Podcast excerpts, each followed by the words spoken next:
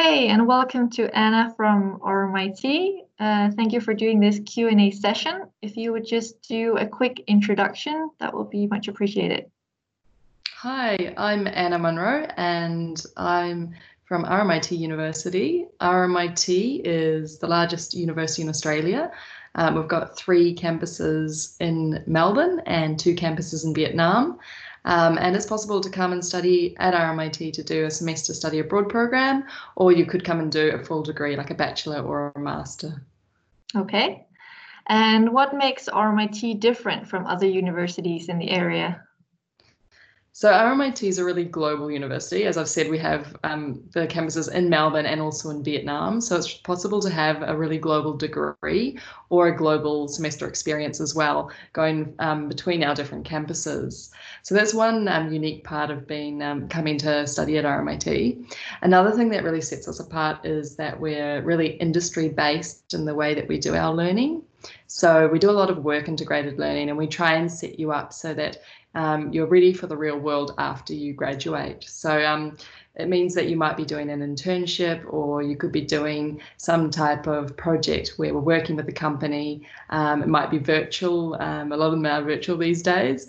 Um, and that that way that um, you're getting really set up and when you go out to work you already have all the skills that employers are looking for so that's a key focus that we have Right. And what would you say are the advantages of studying in a big city like Melbourne? So students love coming to RMIT because we're actually located right in the heart of Melbourne City. So we have three campuses, but our main one is in the middle of the city. Uh, and it's fantastic because when you step outside um, any of the buildings in the campus, you're right in the middle of where all the restaurants are, there's shops, all the public transport is there. Um, there's actually the whole free tram zone that you can use to get around the city. Um, and it also means it's not like a traditional campus that's all fenced off. Um, so a lot of the industry partners we work with are right there beside us. Um, and it really opens up a whole lot of opportunities, um, not only for your academic life, but also for your social life as well. Yeah, and now you say social life. So, what are their fun stuff to do when they're not studying? Or what would you say are the most popular things to do? Yeah, there's so much to do. It's really a place that you can never get bored if you're in Melbourne. Um, there's always um, festivals going on um, and markets. So there's a whole lot of really interesting food from around the world, very multicultural. So students might often go off to some of the festivals to try different food from around the world. Um, we've got music festivals as well.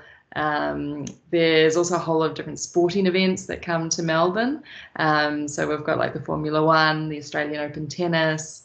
Um, also got the beach and a river. So um, uh, nearby on the train, you can get there. And summer, people like going cycling along the river or having barbecues. Um, there's lots of art galleries as well. So it's a really cultural, arty city. Um, I could just keep going on forever. It's a place that you're never going to get bored, really. It's it's an yeah, amazing. Sounds like it. and what about RMIT itself? Do you offer any social clubs or sports or anything like that? We do. We have a lot. We have about over 100 different clubs. Um, so there's some cultural ones, and we have sporting clubs as well, social clubs, political clubs, really any type of club that you can think of, we have.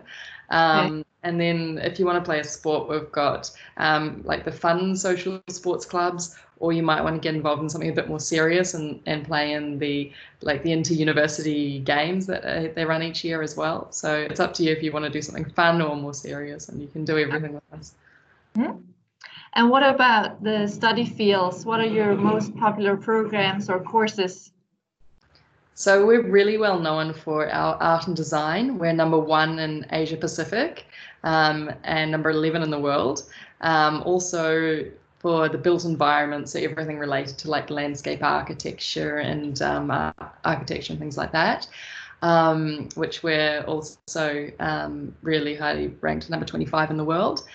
Um, media and communications, top 50 in the world, and then all of our engineering and business programs are also really highly ranked. So um, everything related to like enterprise technology design, that's what we're we're mm.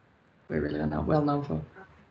And if you're coming as a semester student and just doing one or two semesters, is it difficult to get the courses that you wish for? So if you're a study abroad student doing one semester, um, then we have two types of different courses. We've got restricted courses and we've got recommended courses. So recommended courses are ones like um, in the business area and engineering. And these courses are really easy to get into and they have a very fast approval process. So I do recommend going for those ones. Um, if you're looking at doing something like um, art or design or media and communications or fashion. Those ones are more restricted, so you have to be prepared that you might not get your first choice, and you can only apply for them if it's in your major. Um, so yeah, just some things to think about. And also, if you're a semester study abroad student, you can't do architecture, so you'd have to be doing um, something related like industrial design or um, construction or landscape architecture, something similar. Okay, and uh, about the housing, where do students usually live? Is it something that RMIT helps the students find, uh, or would they have to do it on their own? Yeah, we've got heaps of support to help you out. Um, there's some different options. Um, we have a whole lot of residences. We call them um, purpose-built student accommodation, and they are approved by RMIT. So we don't own them, but we work mm-hmm. closely with them, and they're all around the city. Um, and we've also got one on our Bundoora campus as well. Um, and they have all the facilities in the residence and a great place to meet other students. So they're really easy, uh, good setup for you if you don't really know what you want to do. Um, if you feel a bit more confident and independent, you might want to come and stay in a hostel when you first arrive and then look at a share flat, so sharing a house with other students, which can be a cheaper option as well. But we have all of this information um, available and we um, help you to find the option that meets um, your needs. All right. And um, sometimes students come to us and they're a bit worried uh, about making friends. Uh, do you have any advice for them or something to tell them?